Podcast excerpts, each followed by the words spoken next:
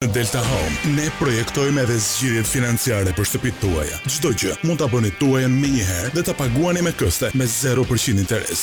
Me dy mijë e nëntëqind e nëntëdhjetë e nëntë euro, ju kompletoni gjithë shtëpinë tuaj, kuzhinë, tavolinë ngrënie me katër karrige, dhomë gjumi, e gjitha e kompletuar, mobilje televizori, kënd, tavolinë mesi, të gjitha për dy mijë e nëntëqind e nëntëdhjetë e nëntë euro. Zgjidhni t'i paguani me këste me zero për qind interes, Fiks sipas interesit tuaj. Ne projektojmë komoditetin tuaj në çdo aspekt. Delta Home, pjesë e Delta Group. Power FM. Flash në Top Albania Radio, informacionet kryesore të ditës. Përshëndetje, këto janë lajmet e orës 16. Përshëndetje. Sot në orën 18 nis sesioni i ri parlamentar. Sipas agjendës, e para seancë plenare pritet të jetë më tepër e natyrës teknike, ku ligjvënësit do të njihen për çështjet e depozituara në Kuvend nga socialistët. Me anë të një projektligji kërkohet dënimi i krimeve të së kaluarës duke verifikuar në detaje të gjitha figurat publike pavarësisht nëse ata kanë certifikatë të pastërtisë së figurës nga Komisioni Mezini Bezhani. Po ashtu kërkohet edhe ndërhyrja në Kodin Zgjedhor në përpjekje që të gjithë ata politikanë në lidhje me ish sigurimin e shtetit dhe strukturat e persekutimit komunist të mos lejohen të mbajnë apo kandidojnë për poste publike. Gjithashtu në kalendar janë përfshirë nismat e Partisë Demokratike për dekomunistizimin dhe klasifikim të dosjeve të ish sigurimit të shtetit si dhe kthimin në muze të burgut famkeq të Spaçit dhe Kampit të Tepelenës.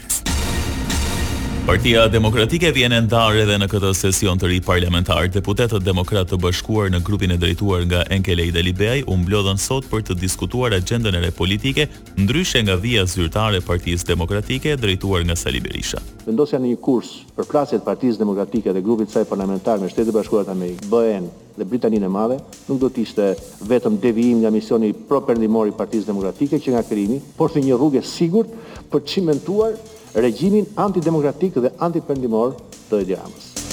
Alibeaj tha se duhen lënë pas konfliktet për t'u përqendruar te opozitarizmi.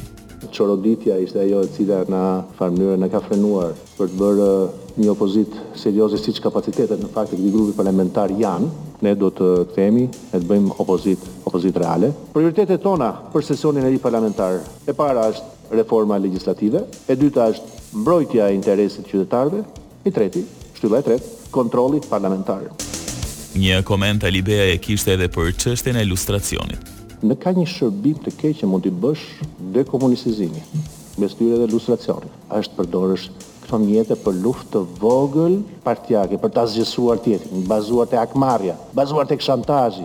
Jo. Lustracioni është nevojë e shoqërisë shqiptare. Duhet të jetë e plotë, duhet të jetë e gjerë, duhet të jetë e sinqertë, bazuar mbi fakte, Sigurisht, të thirrur për të votuar dhe për të mbështetur iniciativat tona janë të gjithë. Kryetari i Partisë së Lirisë njoftoi sot se forca politike që ai drejton do të nisë së shpejti protestat. Ilir Meta tha se data e protestës së parë do të bëhet e ditur brenda njëzet e katër orëve. Teksa PD dhe PS duan nismë në Kuvend për ish-spiunët, kreu i Partisë së Lirisë kërkon nismë për testin e drogës për politikanët. Po kështu për testin e drogës për të gjithë politikanë dhe iniciativa të tjera. Lajmet në internet në adresën www.topalbaniaradio.com.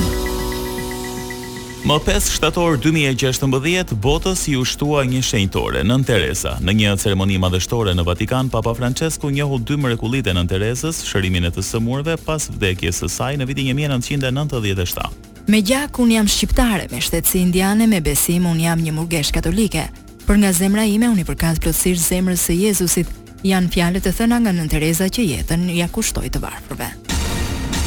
Anjez Gonxhe Bojaxhiu, e cila më vonë e ndryshoi emrin në Nënë Tereza, lindi më një mijë e nëntëqind e dhjetë në Shkup nga prindër shqiptarë, pasi u specializua në Irlandë, u vendos në Indi, ku në vitin një mijë e nëntëqind e pesëdhjetë themeloi urdhrin e murgeshave të quajtur Misionaret e Bamirësisë. Nga ky moment Nënë Tereza do të bëhej nënë e të gjithëve.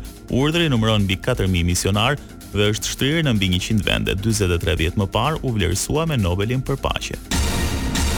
Shqipëria e treta në Europë për çmimet më të shtrenjta të apartamenteve në raport me fuqinë blerëse, sipas të dhënave të Numbeos për periudhën janar-korrik dy mijë e njëzet e dy.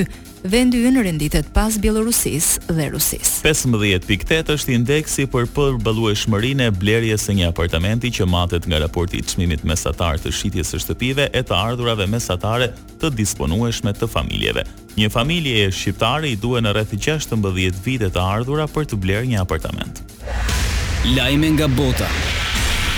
Liz Truss do të jetë kryeministrja e re e Britanisë së Madhe. Pas dorëheqjes së Boris Johnson, Partia Konservatore në pushtet njoftoi emrin e kryediplomates Liz Truss si fituesja e mbi tetëdhjetë e një mijë votave kundrejt gjashtëdhjetë mijë e treqind e tridhjetë e nëntë të rivalit të saj Rishi Sunak. Në votim morën pjesë rreth tetëdhjetë e dy pikë gjashtë për qind e anëtarëve konservatorë. Në këtë mënyrë, Truss merr postin e liderit të forcës politike qeverisëse, automatikisht edhe të kryeministrit.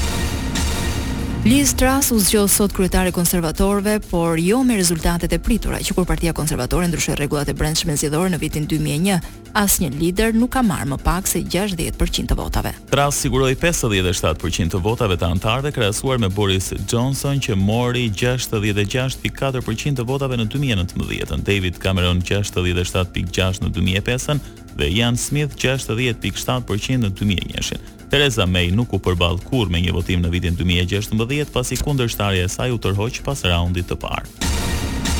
Ndërkaq, bashkë me postin e kryeministrit të Mbretërisë së Bashkuar, Liz Truss trashëgon dhe një ekonomi që po shkon drejt një recesioni të gjatë dhe duhen masa për të zbutur krizën e kostove të jetesës. Nga kriza e pasluftës në Ukrainë, faturat e energjisë janë trefish më të larta se viti i kaluar. Inflacioni arriti në mbi dhjetë për qind për të parën herë nga vitet tetëdhjetë. Qeveria britanike përballet me thirrjet që të ofrojë paketa financiare për të ndihmuar miliona persona. Nesër, më gjashtë shtator, Johnson dhe pasardhësja e tij do të udhëtojnë për në Skoci për t'u takuar me Mbretëreshën Elizabeta II që zyrtarisht Boris Johnson të dorëzojë dorëheqjen, ndërsa lideres së re t'i bëhet ftesë të formojë qeverinë. Për shkak të problemeve të fundit shëndetësore, monarkja nëntëdhjetë e gjashtë vjeçare nuk do t'i presë në Buckingham Palace, por në Skoci ku zakonisht kalon pushimet e verës. Art dhe kulturë. Nesër mbahet në shesh koncerti i Rita Orës. Bajram Begaj e dekoron me titullin Naim Frashëri. Presidenti i Republikës e dekoroi këngëtaren shqiptare me famë botërore për mirënjohje për aktivitetin dhe rolin e saj si ambasadore në çështje me ndjeshmëri të lartë kombëtare dhe globale. Janë miliona njerëz që mendojnë si ti dhe je shembulli më i qartë që kur talenti dhe dimensioni njerëzor ndërthuren së bashku, krijojnë vlera të jashtëzakonshme që frymëzojnë globalisht Shpreh Begaj. Parashikimi i motit. Edhe në orët e pasdites vendi ynë do të ndikohet nga kushte relativisht të qëndrueshme atmosferike, moti vijon i kthjellët si dhe me alternime vranësirash të pakta deri mesatare. Temperaturat variojnë nga 11 në 33 gradë Celsius. Ndoqët një përmbledhje kryesore të lajmeve të ditës. Edicioni i radhës është në orën 17. Unë jam Edi Hallaçi. Unë jam Anibame. Kjo është Top Albania Radio.